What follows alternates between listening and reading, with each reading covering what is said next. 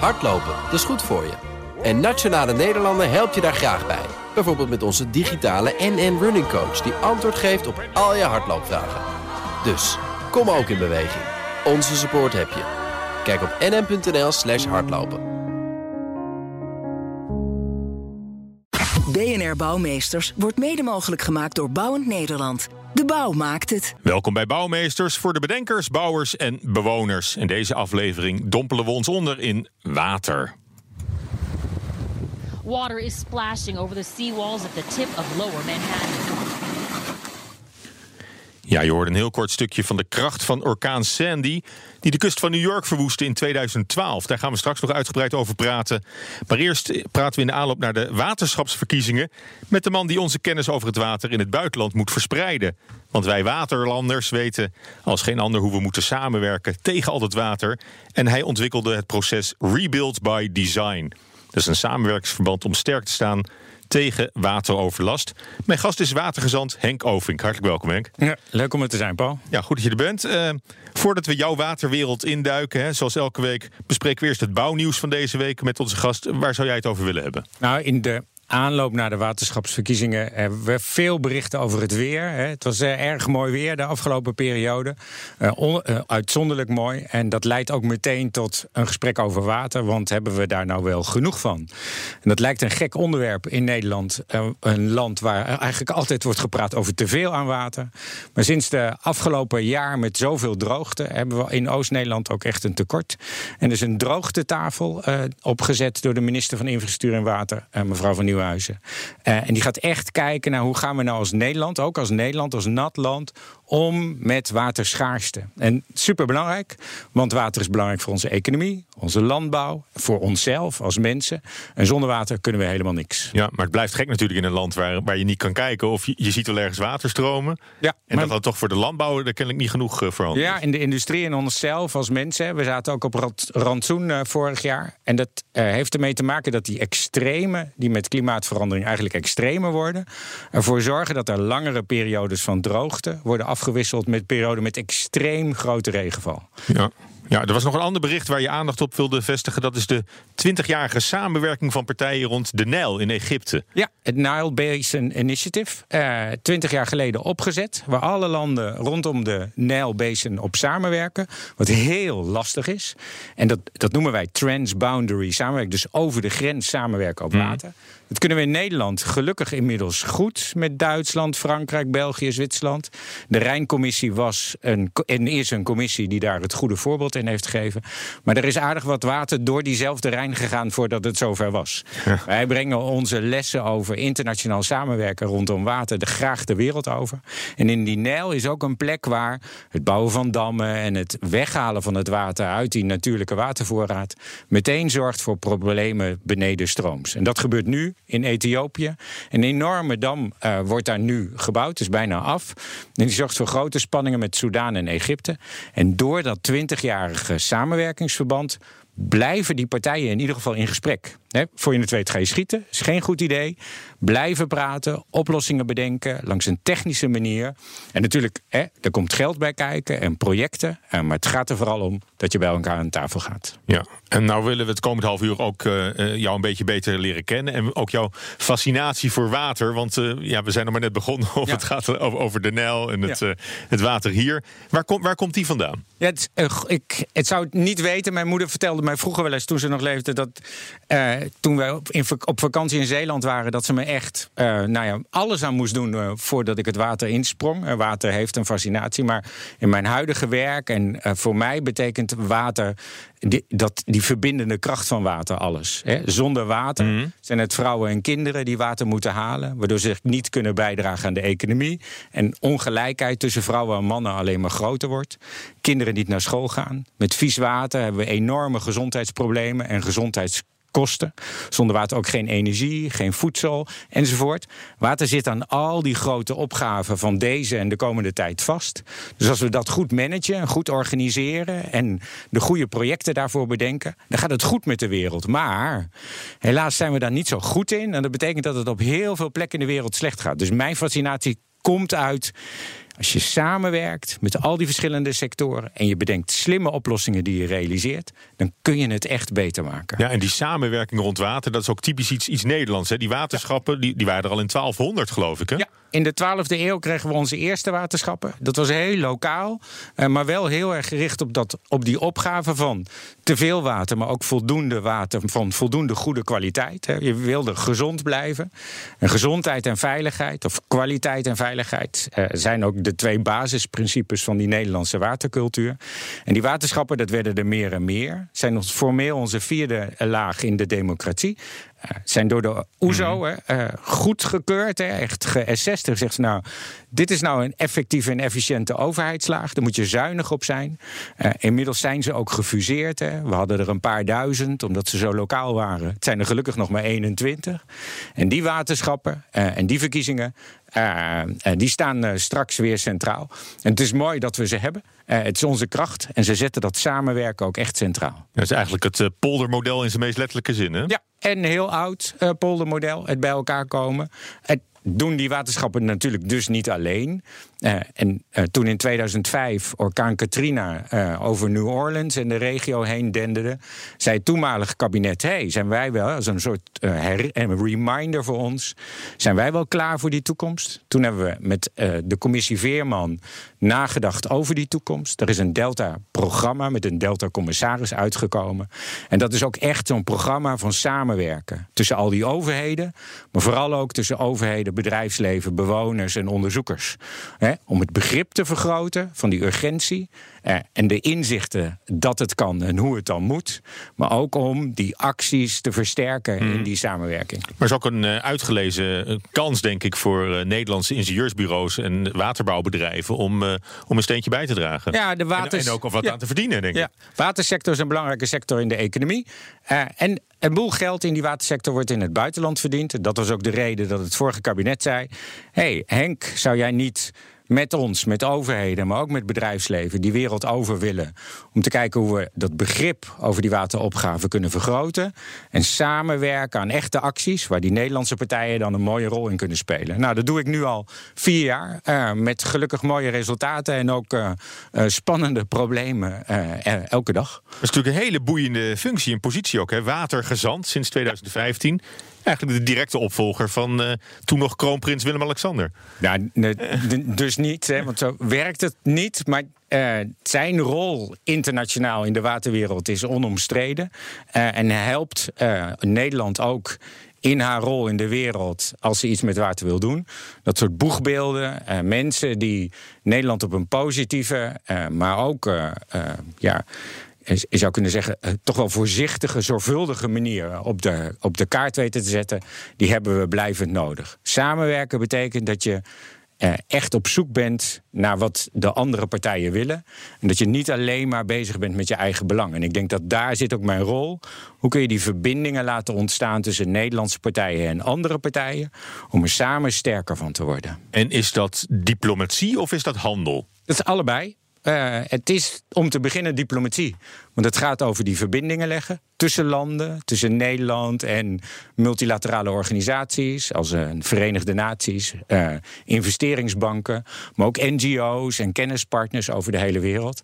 En daar, door dat samenspel goed te organiseren, transparant en inclusief, alles en iedereen te betrekken, ontstaat er een veld waarop Nederlandse partijen geld kunnen verdienen. Dus het is niet geld verdienen en dan kijken of dat ook met samenwerking kan. Nee, het is vanuit samenwerking eigenlijk uh, vertrouwen opbouwen, uh, een, een, manier van werken organiseren, waar die Nederlandse partijen zo fantastisch het verschil maken. En ik vind het schitterend om te zien hoe we dat dan doen. In watertechnologie, met van afvalwater weer drinkwater en energie maken. Of met slimme oplossingen in bouwen met de natuur. Het versterken van kusten en in onze rivieren. Of met datacentra. Eh, en dat we met satellietdata ja, in Afrika. Super, super innovatief ja, is het ook. Alles innovatief. En uh, klimaatverandering is, is daarbij eigenlijk de, de, de gemene deler ook. Hè? Dat is de belangrijkste noemer nu. Dat speelt een hele grote rol. Het regent steeds harder, de bodem verzakt. Het water staat laag. Hè? We hadden het al over de de, over de landbouwgronden ja. die met droogte te maken hebben, ook bij ons zelfs. Die klima klimaatadaptatie, dat is ook voor gemeenten een grote opgave. Uh, hoe, hoe gaan we daarmee? Ook vergeleken met, uh, met andere landen in de wereld? En Nederland pakt dat heel goed aan. Uh, en uh, we hebben uh, vorig jaar, heeft onder leiding van de minister, minister Koren van Nieuwenhuizen en onze premier Mark Rutte, is er een Global Center on Adaptation en een Global Commission on Adaptation opgezet.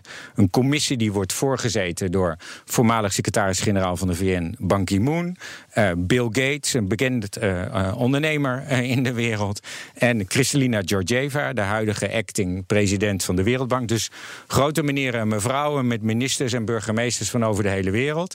En die zetten dus die klimaatadaptatie op de kaart. En tegelijkertijd practice what you preach. Je moet het zelf goed doen. Heeft de minister samen met de gemeente een investeringsprogramma op klimaatadaptatie in de stad opgezet. Dus we zijn er meteen keihard zelf mee aan het werk. En dat hele Delta-programma is natuurlijk een excellent voorbeeld van hoe je met klimaatverandering adaptief en excellent omgaat. We zijn in de aanloop nu naar de waterschapsverkiezingen. Wat is daar nou precies het belang van? Want ik denk dat heel veel kiezers eigenlijk niet weten waar ze hun stem op uitbrengen. Nou, uh, uh, goed uh, en voldoende goed gemanaged water. Droge voeten, zeggen ze wel eens. Uh, de waterschappen, onze vierde bestuurslaag in Nederland, zorgen al eeuwen voor goed waterbeheer in Nederland. Dat doen ze niet alleen, dat doen ze in samenwerking. Maar zelf, als zelfstandig bestuur, staan zij voor dat excellente watermanagement. En daar zijn keuzes in te maken, en die kunnen jullie allemaal maken richting de waterschapsverkiezingen in maart. En dat ze er zijn. En daarvan zeggen wij zelf uh, als, uh, als Nederland, dat is fantastisch. Uh, maar dat zeggen we gelukkig niet alleen. We hebben ons waterbestuur laten evalueren door de OESO. Mm. En de OESO zegt ja, juist die waterschappen als die vierde bestuurslaag efficiënt en effectief. Uh, dat, fantastisch. Dat, zou, dat zouden meer landen moeten dat zouden doen. meer landen moeten ja. doen. Ja. En, en, dat doen jullie dus ook, hè? Met, met wat dan de Blue Deal is gaan heten. Ja, met die Blue Deal hebben de waterschappen eigenlijk zelf gezegd. Uh, zij doen een beetje werk in het buitenland. Uh, en dat zat altijd, was meer op vraag en initiatief. Daarvan zeiden ze dat willen we beter gaan coördineren, samen bundelen. Hebben tegen de ministeries van Buitenlandse Zaken en Infrastructuur en Water gezegd: kunnen we daar niet op samenwerken? Hè? Weer dat samenwerken. Uh, en die ministeries en die waterschappen zeggen nu met die Blue Deal: we gaan kijken naar de komende twaalf jaar. Hè? Dus echt consistent en met commitment voor een langere periode aan waterzekerheid werken. 20 miljoen mensen in de wereld in 40 rivierstroomgebieden. En die ambitie, daarvan hebben we als Rijksoverheid gezegd, dat is een goede ambitie. Die sluit aan bij ons eigen kabinetsbeleid. Wij doen uh, een potje erbij hè, met het potje mm. van die waterschappen.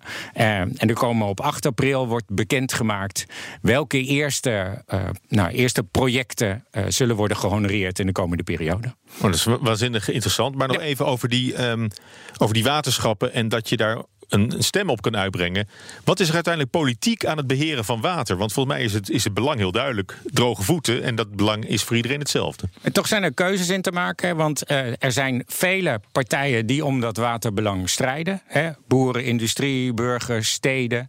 Het waterpeil op een bepaalde manier houden. We merken in Nederland dat onze bodem zakt en het water verzeelt. Uh, zoetwatervoorziening en waterveiligheid op die regionale schaal is daarbij cruciaal. En het maken van die keuzes gebeurt regionaal. Het gaat ook over de prijs van water, uh, die uh, op die schaal uh, voor een deel wordt bepaald. En de samenwerking tussen die regionale schaal, regionale schaal en de rest. Dus daar komt toch een beetje politiek om de hoek kijken. Ja, en voor een deel zeggen de waterschappen zelfs ook: het is ook weer niet zo politiek, want we gaan gelukkig alleen maar over water. Dus het geld wat erin komt, gaat allemaal naar water. En omdat het een uniek bestuur is en dedicated uh, voor water, betekent het ook dat er geen concurrentie zal optreden. En dat dankzij die waterschappen in samenwerking met de rest we droge voeten zullen houden. Ja, en dat is dan een verdienste in, uh, in Nederland, hè, die waterschappen. Maar uh, jouw verhaal speelt zich voor een belangrijk deel af in, in de Verenigde Staten. Hè, de samenwerking met president Obama. Want jij zat in zijn taskforce, die was opgericht voor de wederopbouw van New York na orkaan Sandy in 2012.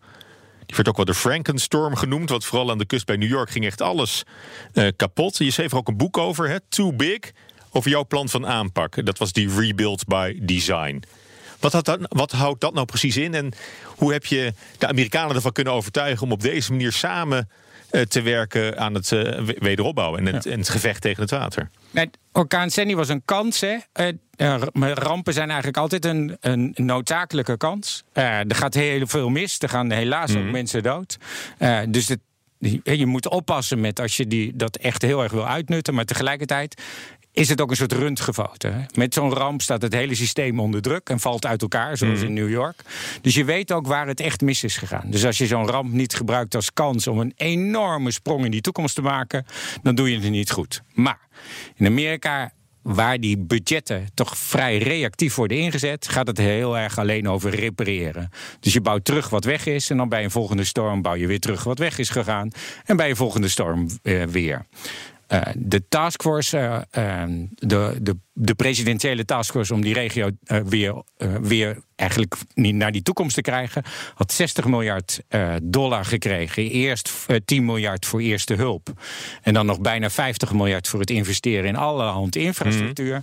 En daarvan zei ik. Zouden we nou niet een deel daarvan kunnen gebruiken om niet alleen maar te repareren, maar ook echt heel innovatief naar die toekomst te kijken? En daar kun je dan alleen maar aan werken als je alle partijen, de bewoners die hun huis hebben verloren, eh, academici die aan modellen werken, bestuurders die beslissingen moeten nemen, investeerders die geld kunnen leveren, ondernemers enzovoort. Dus als je al die partijen dwars door die hele regio die door elkaar Sandy was geraakt bij elkaar zet en samen vanuit belangen kansen eh, en inzicht aan oplossingen laten werken. Dat hebben we Rebuild by Design genoemd.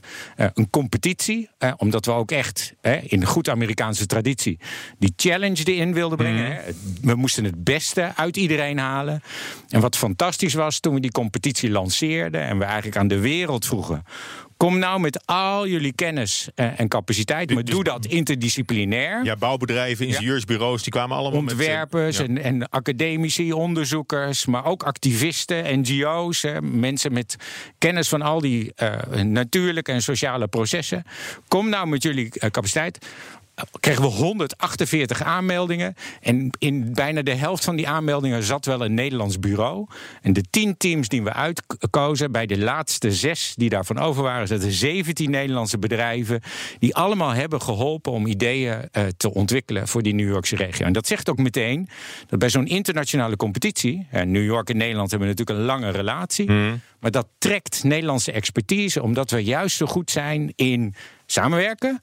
Maar ook eh, een aanpak bedenken waar al die verschillende opgaven bij elkaar komen. Dat is mooi voor Nederland. En dat was dus fantastisch om in New York te leiden. En dan heb je het goed gedaan als eh, speciaal watergezant, denk Ja, ik. dat ik daarna watergezant werd, eh, eh, was eigenlijk een soort van mooi vervolg. Want door te helpen ontstaat er een kans voor handel.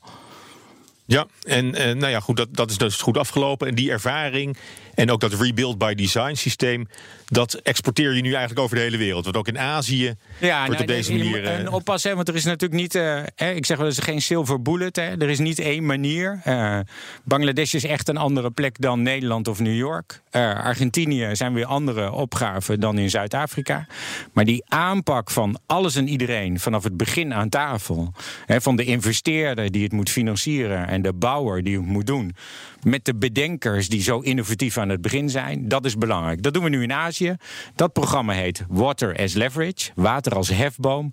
Water als de manier om die verschillende opgaven bij elkaar te pakken. Maar fantastisch slimme oplossingen te bedenken. die waterzekerheid voor die steden in Azië gaan bieden. En dan kom je eigenlijk weer terug bij wat, wat bijna jouw levensmotto is: hè, water als samenwerking, Ja. als verbindende kracht Ja. tussen mensen. Ja, ja dat is eh, wat we proberen in Chennai, India, eh Kulna in Bangladesh en Semarang in Indonesië. Met weer Nederlandse en internationale partijen. Inderdaad, water in te zetten om die verbinder te zijn. Maar ook de katalysator voor echte verandering. Want met de oplossingen van gisteren halen we morgen niet. Dat lijkt me een mooi eh, slot voor dit eh, gesprek. Hartelijk dank daarvoor. Watergezant Henk Ovink. Graag gedaan, Paul. BNR Bouwexpo. Ja, dan is het tijd voor het sluitstuk van de uitzending, de Bouwexpo. En redacteur Judith Lane staat er weer bij me in de studio. Je hoort de piano ook al. Judith, je dacht duikhelm op, kopje onder in een van de bekendste natte kunstwerken van Nederland. Ja, Paul, ik dacht, je moet wat met eh, de watergezant in de studio. En eh, eh, we gaan het even hebben over de deltawerken van de 19e eeuw. Namelijk het Crucius-gemaal. Dat is het oudste stoomgemaal van Nederland, uit 1849. Eh, het ziet er van buiten uit als een soort fort. Het is echt super mooi. En het is gebruikt om de Haarlemmermeer droog te pompen tussen 1849 en 1852. Want dat meer werd namelijk steeds groter en er moest dus wat gebeuren. Ehm, het is ook de grootste stoommachine ter wereld. Het is een industrieel rijksmonument. Het zit in de top 100 500 Rijksmonumenten van Nederland. En eh, de naam komt van eh, de Nederlandse waterbouwkundige Nicolaus Samuelis Krukius. Die eh, we ook wel kennen als Nicolaas Kruik. En die komt weer uit West-Vlieland. Dat is ook al heel oud dus, hè? Het is heel oud inderdaad. Ja, hij staat er al vet lang. En het is een van de drie stoomgemalen in Nederland. Er zijn nog twee andere. Want koning Willem I die had ooit bedacht dat er dus drie stoomgemalen moesten komen... om de Haarlemmermeer droog te pompen. En dat zijn de Lijnden en de Leegwater. Die zijn trouwens ook vernoemd naar waterbouwers. Oké, en hoe, hoe ziet het eruit? Een soort fort, zeg je al, maar eh, Ja, als een kasteeltje? Ja, zoiets. Het is neogotisch. Dus ja, dan moet je denken aan kantelen en steunberen, spitsbogen. eh, rijk geornamenteerd traceerwerk heb ik ook nog ergens gelezen. Eh, en aan de binnenkant zitten gietijzeren trappen en pilaren. En het leuke is, die, die doorsnee van die cilinder die erin zit, die is 3,5 meter. Dus die is echt heel groot. Dan zijn er ook nog acht balansarmen. Daaraan zitten die waterpompen. En die armen die wegen zo'n 10.000 kilo. En de stoommachine is ontworpen door Britse ingenieurs. Gibbs en Dean heette die. Eh, en het is dus in totaal 25 ton gietijzer. Dat is ook heel zwaar. Ehm, die pompen werden weer gebouwd in Cornwall. Eh, het, is, het is een mooi stukje internationale ja, samenwerking. Dit bij ook, het- ook weer internationale bij het waterbeheer. En Ja. in 33, 1933 is het al buiten werking gesteld. En Mhm. eigenlijk sindsdien is het nooit meer gemoderniseerd of in gebruik genomen. Ja, nee, klopt. Want het, ja, het, was al, eh, het gemaal was eigenlijk al niet meer actief sinds 1912. Eh, vanaf dat jaar was eh, de Krukjes een reservegemaal. In 1932 werd het stilgelegd en de officiële sluiting was in 1933. Oké, Eh, nou. Want ja, die, die stoomketels waren aan het verschroten, zo heet dat. En eh, nu is het een museum. Dus je kunt erheen. Dat ga ik ook zeker een keer doen. En ehm, ja, die armen die werken nog steeds, maar nu werken ze hydraulisch. Dus met vloeistof in plaats van kolen, zoals ze het vroeger deden. Eh, nou ja, ik eh, zou zeggen, indrukwekkend stukje industrie in Nederland. Dus eh, ga zeker eens kijken. Industrieel erfgoed in Waterland, Nederland. Dankjewel weer, Judith. Tot zover deze aflevering van BNR Bouwmeesters. De uitzending is terug te luisteren via de BNR-app... of als podcast in iTunes en Spotify. En tips voor ons programma of de Bouwexpo... die kunnen naar bouwmeesters.bnr.nl of tweet hem naar @bnrbouw. Tot volgende week. BNR Bouwmeesters wordt mede mogelijk gemaakt door Bouwend Nederland. De bouw maakt het. Hardlopen, dat is goed voor je. En Nationale Nederlanden helpt je daar graag bij. Bijvoorbeeld met onze digitale NN Running Coach... die antwoord geeft op al je hardloopvragen. Dus, kom ook in beweging. Onze support heb je. Kijk op nn.nl slash hardlopen.